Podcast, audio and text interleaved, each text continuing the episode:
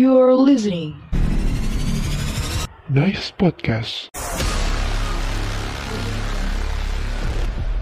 Assalamualaikum warahmatullahi wabarakatuh. Halo Nicers. Bal- Nah, kali ini ketemu nih dengan aku ya, tentunya dalam program salah satu kesayangan penyiaran Himko, yaitu podcast. Nah, jadi kalau kenalan, kayaknya teman-teman Nicer udah kenal ya kalau sama aku ya.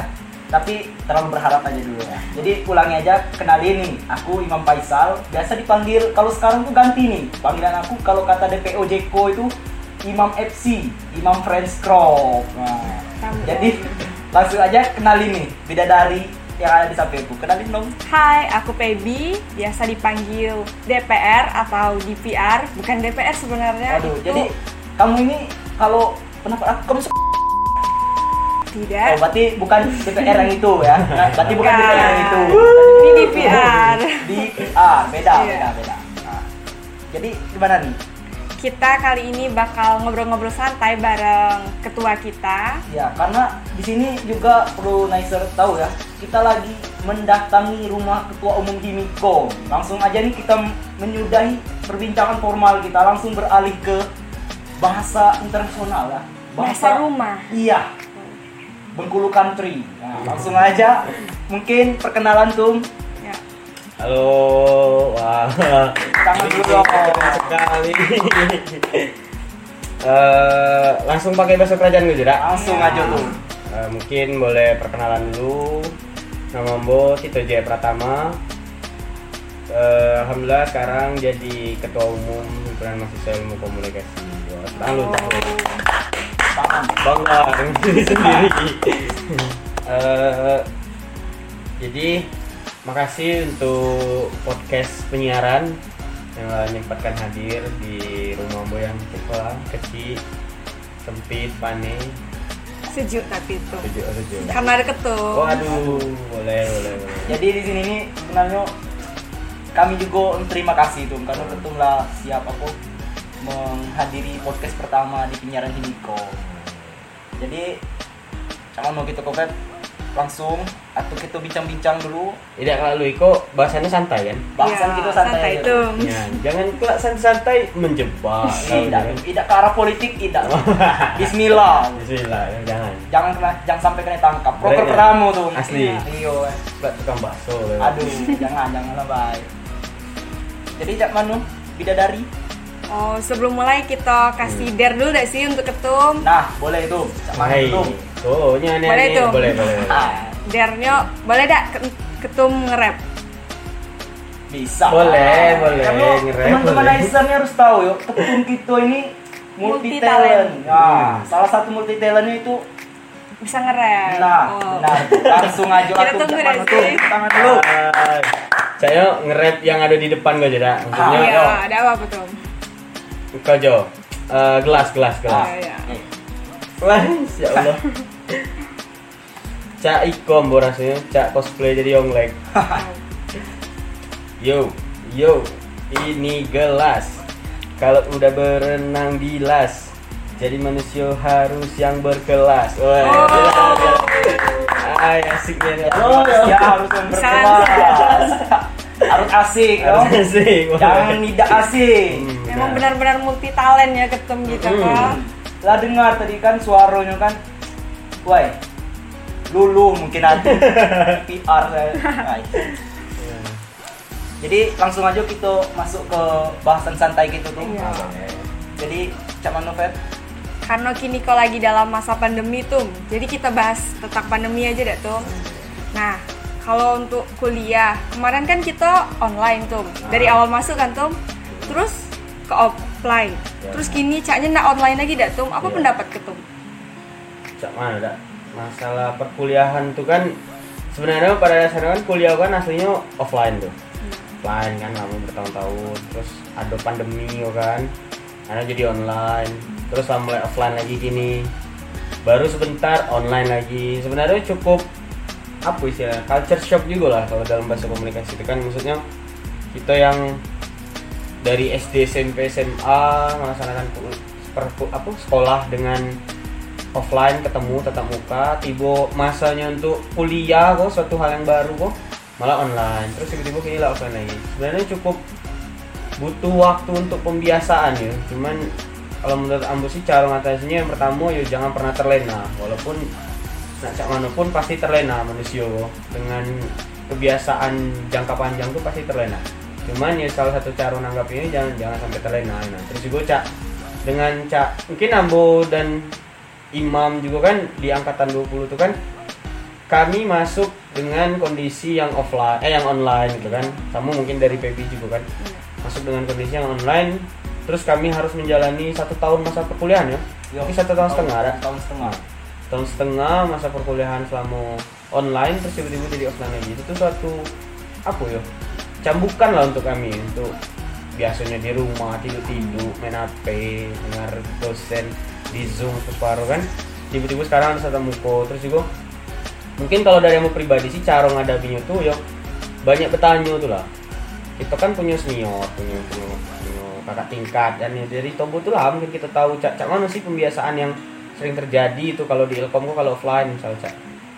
Sering kadang kamu main ke kantin kan nanya dengan senior tuh kan mana sih bang kuliah offline kok. Ya mulai tuh menjelaskan dulu tuh kami cek kok cek kok cek kok cek. Kok akhirnya dari situ kan kita bisa menelaah ya kan?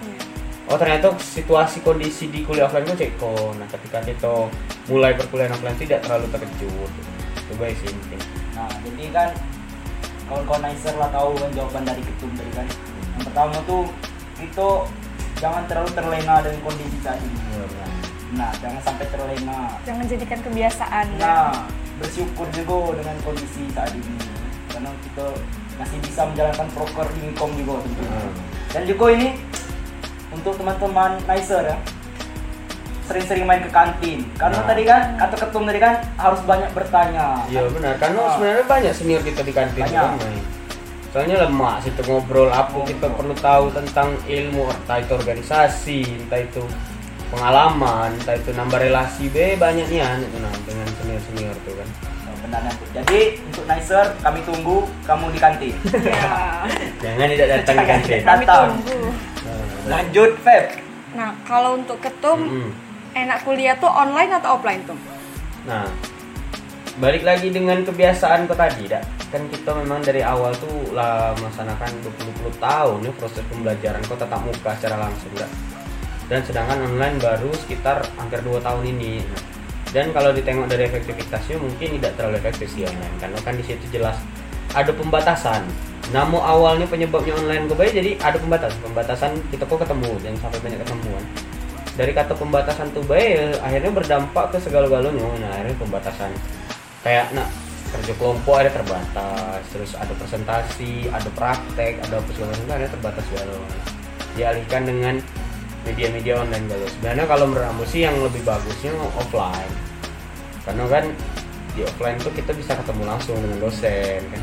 Dosen juga bisa memperhatikan langsung ekspresi gitu cak. Mana sih dalam proses perkuliahan yang keaktifan gitu ya kan? Terus juga cak eh, bertemu kawan-kawan tuh kan memang beda dalam ruang zoom dengan ruang kuliah asli itu kan beda. Asiknya tuh beda vibesnya beda. Bisa sambil ngobrol terus juga cak ketika menunggu pergantian mata kuliah itu kan itu juga bisa yo entah itu di kantin tadi kan kayak kawan-kawan jadi sejauh itu sih walaupun baru merasakan sebentar kuliah perkuliahan offline jauh lebih enak offline. Benar yo, benar. Pertanyaan tuh kalau kata ketum kan masih enaklah offline. Ngaku enak offline karena juga teman-teman lah tahu juga ya mungkin di sini ambil salah satu tersangka mahasiswa yang pernah ketiduran pada saat pembelajaran online. Hmm. Jadi kasihan aja dengan dosen yang terlalu serius Yo. gitu kan.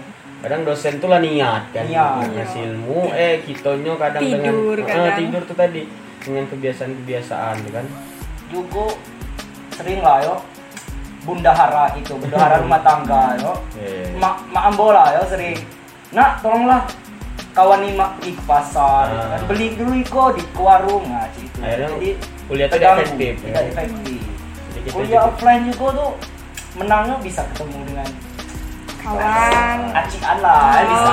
Bisa, bisa, boleh, bisa. iya kan. benar benar benar dan itu juga nak cari doi juga bisa Bisa. kan lu kalau nak ketemu kayak jurusan-jurusan lain Iya, ya, kan? fakultas lain emang beda emang Beda. vibesnya tuh Nah, beda iya. memang kadang gitu sedikit effort lah sebenarnya ibaratnya cak ambu pribadi beda dari pagar dewa sampai tinggal ke unit Mayan juga bro, Iya. 30 Bro. menit paling tidak. Masuk pagi apalagi tuh. Ah, apalagi masuk pagi. Cak Imam ya dari sebakul kan. Masuk pagi lah semangat nian itu. Ah.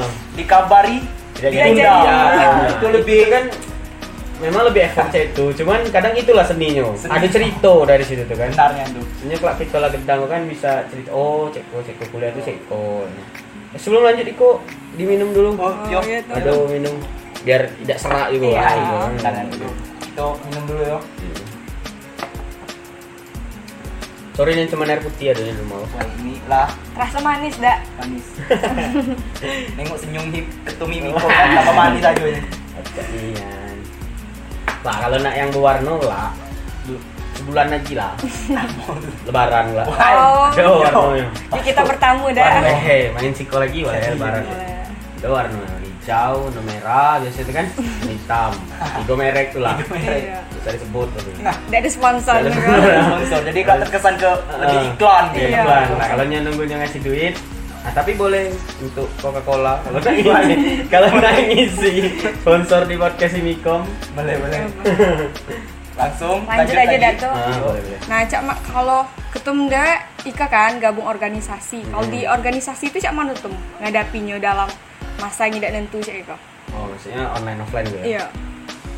Kalau untuk permasalahan awalnya tuh sebenarnya sama baik sih, cukup kagok juga, cukup terkejut, nah terkejir lah istilah Sunggul itu, terkejir lah ya, maksudnya Ambo pribadi aja ya, Ambo masuk di kepengurusan Himikom tuh posisi online.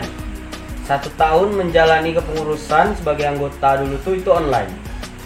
Jadi kami tuh dulu tuh selama online tuh misalnya itu kegiatan kok kan kadang kami itu tidak memperdulikan adanya jam kuliah ya. kadang karena kita bisa sambil ya, sambil persiapan sambil apa tuh kan itu sambil kuliah di zoom sambil dengar dosen so. itu juga yang buat kadangnya tidak efektif kan Iya. perkuliahan kok kan terus juga nah kalau kini tidak bisa lagi sih itu karena memang jadwal kuliahnya kok kita harus datang ke kelas kan Iya. nemui dosen jadi memang benar-benar apa ya butuh manajemen waktu dan manajemen eh situasi lah istilahnya. Memang benar-benar harus nengok oh kalau jam sekian ke kuliah berarti tidak bisa kalau ada kegiatan di situ setelahnya atau sebelumnya. Memang benar-benar harus diperhatikan ya di situ sih. Maksudnya jadi tantangan juga sih untuk untuk Ambo sebagai ketum gini kan. Kalau dia mau jadi permasalahan tuh ya tidak terlalu sih cuman jadi tantangan aja. Ini, untuk bisa lebih memanage waktu biar cak caranya tuh itu tadi ada punya kuliah tapi bisa dialihkan dengan acara ya. Acaranya setelahnya mana itu sih itu organisasi lebih ke jadi tantangan aja Nah, jadi benar yang disampaikan ketua itu menjadi tantangan buat pengurusan tahun ini tuh. ah benar. Dan tantangan ini bakalan kita selesaikan tuh pasti yo pasti sama-sama. Lah sama-sama. Dan juga bukan kita baik kan. Banyak Iya. oh, organisasi-organisasi kasih lain. Lain. Gitu. Jadi lanjut. Ah, ikut tuh. Kan di Himikom kok termasuk prokernya paling banyak dari situ. ah benar benar, benar. Nah, apalagi Ge, kan rencananya Caknya bakal online lagi dan ya banyak pengurus kok dari luar kota. Misal kalau balik itu mana tuh? Nah kalau dari C itu yo pertama memang kita tidak bisa pungkiri, dah. namanya orang itu kan punya kebutuhan dia masing-masing kan. Artinya dia harus balik kampung atau mana itu kebutuhan dia masing-masing. Cuman kalau cara mau pribadi sih lebih ke Ceko kan kita Himikom kok punya proker banyak kok tadi kan, Yo. Kan? Nah banyak, kok banyak puluh varian macamnya. Benar. Ada yang diker- ada yang istilahnya itu Ceko podcast, ada yang memang adakan acara nian, ada yang siaran tadi penyiaran, terus di jurnal ada reportase, di badan olahraga ada main futsal segala macam. Nah itu tuh untuk fokus keterlibatannya tuh tidak segalanya hadir.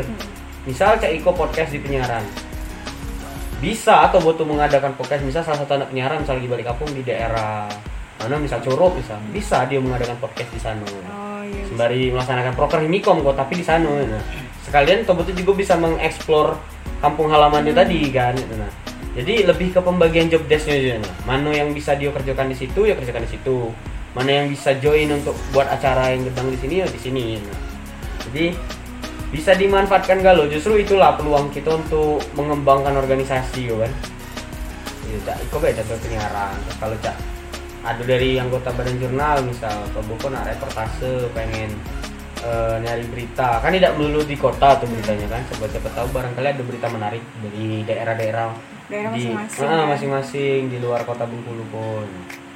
Cuman kalau cak proker di olahraga misal harus eh, prokernya main futsal main poli ya memang balik-balik harus ada di sini Iya. juga kan cuman kan tidak segala balik kampung kan jadi masih bisa sumber daya manusianya itu masih bisa kita manfaatkan yang ada di sini ini itu aja sih cara. Nah, jadi menanggapi dari ketum tadi kan balik kampung atau pulang kampung tuh tidak jadi alasan Ah. untuk tetap tidak melaksanakan proker ini. Ah.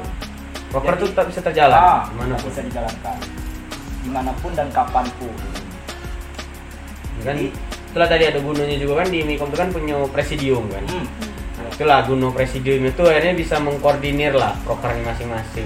Jadinya bisa nengok, oh anak ambo kok lagi di siko, bisa lah yang ngerjakan iko ya. Itu sih. Harus pintar-pintar bagi tugas. Ah, benar benar job desknya harus dibagi. Karena kan kalau anak Himikom itu kan kreatif, cerdas, inovatif. Iya. Nah, itu. Ya, tuh memang memang benar, bukannya sekedar slogan atau sekedar kata-katanya bukan, memang sih itu. Memang harus cerdas, kreatif, inovatif. Ya sih. Jadi, gimana dari Kayaknya nah cukup deh sih dari pertanyaan-pertanyaan tadi lah menjelaskan rasa Ya. penasaran kita juga. pasti Nicer. Wah, kapan tayang nih? Kapan tayang? nunggu-nunggu kan. Kira-kira itu podcast apa kau tayang di mana, Bro?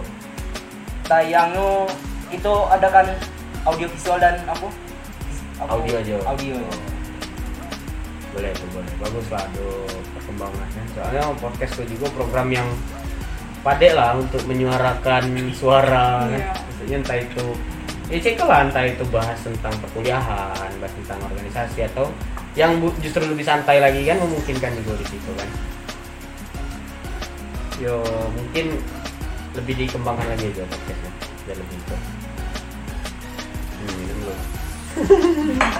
Minum dulu guys. Nah sebelum nutup, Ika Tom ada tidak pesan-pesan untuk kami anggota anggota Himikom atau pengurus ataupun bukan yang bukan pengurus kau tuh? Ya. Mungkin kalau dari Ambo sih tidak mau menuntut banyak dah untuk anggota pengurus baik itu dari segala badan bidang sekretariatan cuman lebih ke nah ngasih tahu bahwasanya yo di sekolah di himikom kola waktu kamu untuk belajar waktu kamu untuk menambah relasi menambah pengalaman.